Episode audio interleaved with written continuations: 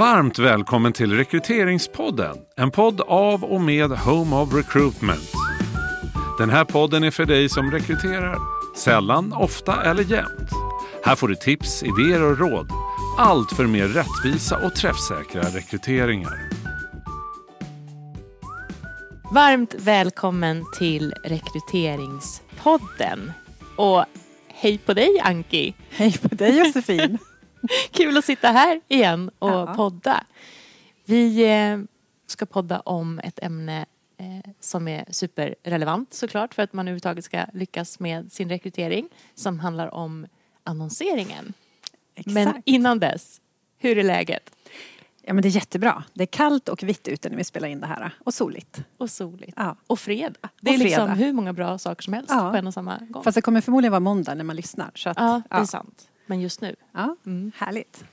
Och Josefin, var, hur är det med dig idag? Ja, men tackar som frågar. Det är samma.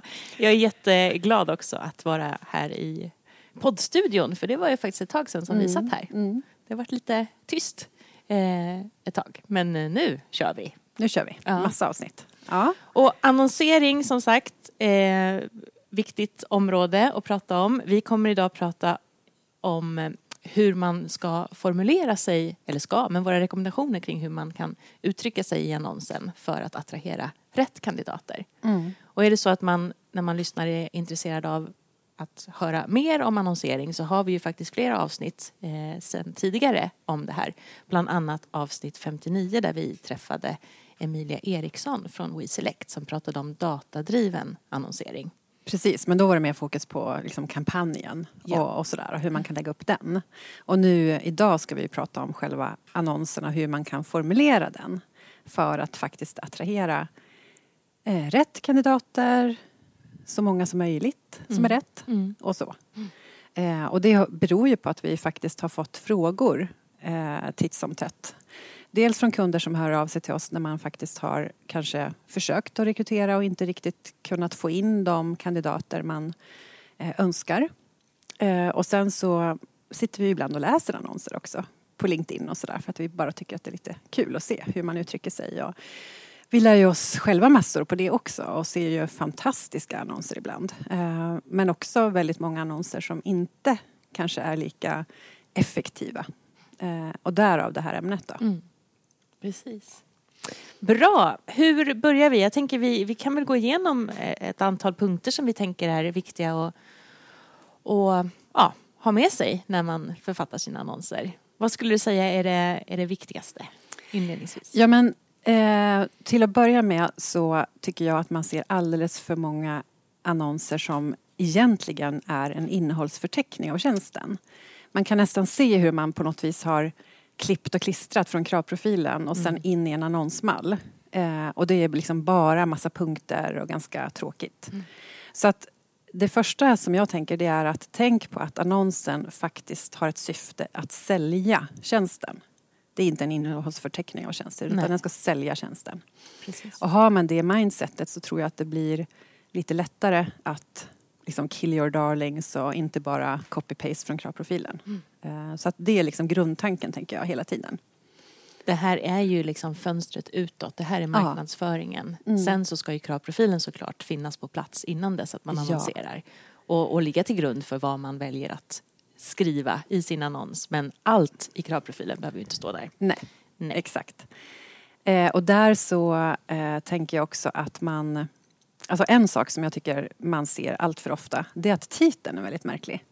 Att man har en, eh, en titel som är lite otydlig, en titel som är... Eh, man kan nästan förstå att den är rätt så intern eh, och att man kallar den här rollen för det här internt. Men för externa kandidater så är inte det en relevant titel. Och här måste man ju tänka på att kandidater idag de googlar ofta tjänster utifrån den titel man önskar. Man behöver någonstans eh, känna att eh, den här titeln är relevant. Mm. Eh, det är det här jag liksom lockas av Mm. och söker på. Eh, så titeln är jätteviktig. Och så använd en titel som ni vet att det här eh, söker kandidaterna på.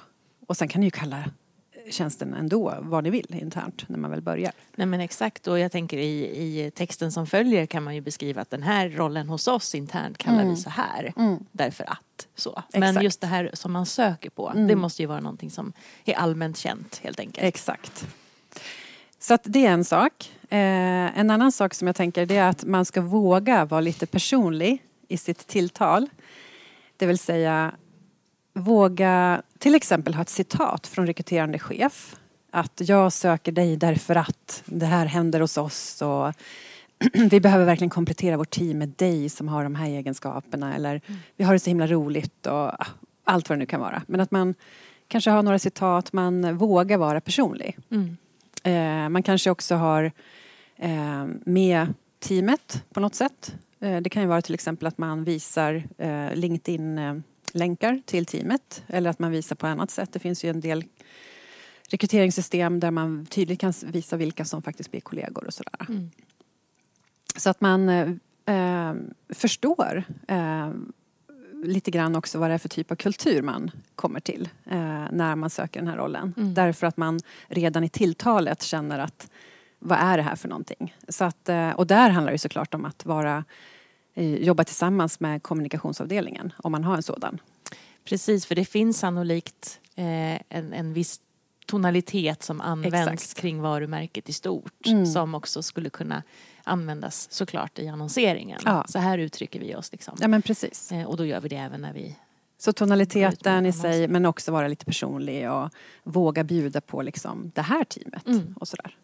En annan sak som jag tänkt på många gånger är att man lägger de här delarna som har att göra med vad, vad jag som sökande skulle kunna få i det fall att jag klev in i den här rollen för långt ner. Mm. Alltså det här med what's in it for me, liksom, why? vad, vad är anledningen till att jag skulle vilja jobba här? Stoppa in det tidigt i annonsen, eller vad Exakt. säger du? Ja men verkligen. Eh, så att tid, alltså på en gång egentligen, det första man skriver om är, är ju varför ska man söka den här tjänsten? Mm. Och det kan ju vara allt möjligt. Det kan ju vara att det är en ny tjänst, man får chans att vara med och forma. Det kan vara att man har en enorm tillväxt så att det händer jättemycket. Ja, och det här gör ju också att man attraherar rätt kandidater. Mm. För att det finns ju också de kandidaterna då som tycker att Oh no, den här tillväxtresan har jag varit med om en gång och det blev jätterörigt. Det är inte för mig längre. Nej. Och så låter man bli, vilket är jättebra. Så att, eh, men What's in it for me, absolut, jättetidigt. Och sen kan man börja titta på, okej men vad är det vi söker? Vem tror vi matchar? Och en annan sak, nu kanske vi inte ska prata om vad man inte ska göra men det är svårt att låta bli. Men, men många gånger så ligger ju tidigt en beskrivning av företaget eh, och liksom eh, vi, hur många vi är, vad placerings, Mm. alltså vart vi finns någonstans. Alla de här sakerna är ju såklart jätteintressanta men inte högst upp i annonsen Nej. utan spara dem till, till slutet när Mm. man har fångat läsaren. Exakt. Man har ju liksom ett antal sekunder på sig egentligen Mm. att få en person att Mm. vilja fortsätta läsa och då är det oftast inte liksom att vi finns i Stockholm, Göteborg och Malmö och vi är 4 000 personer som är det som, som gör att man blir sugen på att läsa resten. Exakt, och dessutom så tycker jag att den informationen kan man till viss del också anpassa efter rollen. För att om du rekryterar en eh, controller eller en CFO eller om du rekryterar en kommunikatör eller en HR-person eller vad det nu är så har de personerna också lite olika eh, specialintressen eller är mer angelägna om att förstå vissa saker. Eh, och då kan man ju också fundera över det. Självklart så vissa saker ska ju alla få veta men att man ändå funderar över vad, vad är viktigt för den här typen av person att, att få med sig. Så att eh, den är också viktig.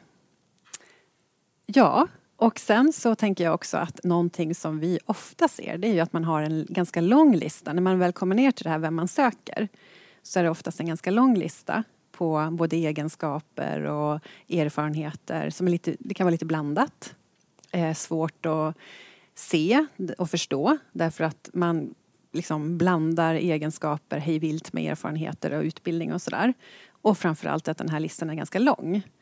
Och här så rekommenderar ju vi att man faktiskt funderar över vilka är det faktiskt som är skallkrav. Vad är det som på riktigt är ett krav för den här rollen? Och det gör man ju i kravprofilen såklart. Och att det är dem man fokuserar på. Och att man är tydlig om man vill ha med några önskemål, vilket ju inte alls är osannolikt. Men att man då är tydlig med att det här är ett önskemål, det här är inte ett krav. Så att man inte skrämmer bort kandidater som faktiskt egentligen är kvalificerade. Eh, för att den här otydligheten gör ju också att eh, många kanske tycker att det känns, ah, är det här verkligen för mig? Så en tydlig kravspec så att säga i Mm, botten. mm. Och man behöver inte skriva allt utan såklart alla krav. Eh, och kanske något önskemål beroende på. Då.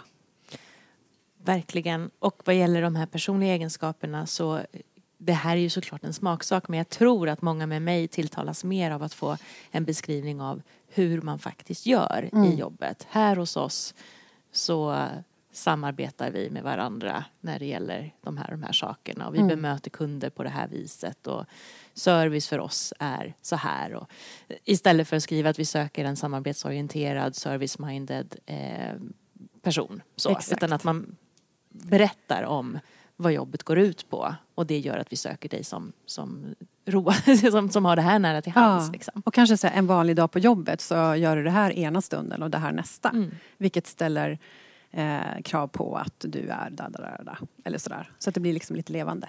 Så har man gjort sin kravprofil enligt konstens alla regler så har man ju sannolikt också definierat de här personliga egenskaperna med beskrivningar. Och de beskrivningarna de kan man ju ha stor nytta av när man Mm. gör eh, själva annonsen. Precis. Och sen tycker jag att man ska låta någon annan i målgruppen läsa annonsen. Det kan ju vara så att man själv inte alls tillhör målgruppen, den som skriver annonsen. Så att eh, eh då kan man också upptäcka sådana här saker som man kanske själv inte har förstått att oj, det här kanske är till och med lite exkluderande. Det här är inte någonting som attraherar kvinnor. Vi vill verkligen attrahera kvinnor för vi är en mansdominerad bransch till exempel. Så att den är ju jätteviktig också, att fundera över vilka uttryck använder vi oss av. Eh, och, och granska den med kritiska ögon. Eh, och låta då som sagt andra verkligen läsa den. Eh, för att, och, och samma sak med bilder och så vidare. Eh, nu är inte det till texten men allting ger ju en signal. Och, eh, så att låta även andra titta på bilderna och kanske välja, någon annan får välja Mm. vad vi ska ha för bild till exempel. Och kanske också testa lite. Exakt. Våga prova och göra annorlunda. Våga Mm. testa en ny bild, våga testa en ny tonalitet Mm. och se vad som händer. Värsta fall, nej, blev inte bättre. Nej, då provar vi någonting nytt igen. Mm. Ska vi försöka sammanfatta Anki innan vi avrundar? Ja, Vad är det vi behöver tänka på? att man fokuserar på att nu ska vi sälja tjänsten. Att man är väldigt tydlig, inte copy-pasta från kravprofilen utan faktiskt är tydlig med vad är vad, eh, vad är krav och vad är önskemål. Att man börjar med att sälja in tjänsten, what's in it for you, som kandidat. Mm. Att man funderar över hur kan vi vara personliga? Kanske citat från rekryterande chef till exempel och LinkedIn-profiler för alla medarbetare eller nå- något liknande. Att titeln är sökbar och relevant. Inget, Precis. att tänka liksom utifrån och in, inte inifrån och ut när det gäller den delen. Och, att man är, och på det temat då, nu lägger jag till någonting nytt här i sammanfattningen, men att man också då inte använder till exempel förkortningar och liknande inne i annonsen som faktiskt tillhör Ja, men det är det interna vokabuläret. Det är ingenting som någon utifrån förstår. Det ser man allt för ofta också faktiskt. Så att, eh, ja. Och slutligen då, tänker jag, apropå det också, att låta någon utifrån läsa annonsen. Mm, För då kan ju precis. den hitta de här sakerna som inte känns, eh, ja, känns igen för någon Exakt. utomstående. Så har man haft utmaningar med att eh, rekrytera så uppmanar jag verkligen att kolla på annonsen, hur den är skriven. För ofta så sitter faktiskt felet där. Mm. Så att eh, lycka till kanske vi ska säga Ja. med era annonsskrivningar. Och eh, ha det så bra så länge så hörs vi i nästa avsnitt. Yes.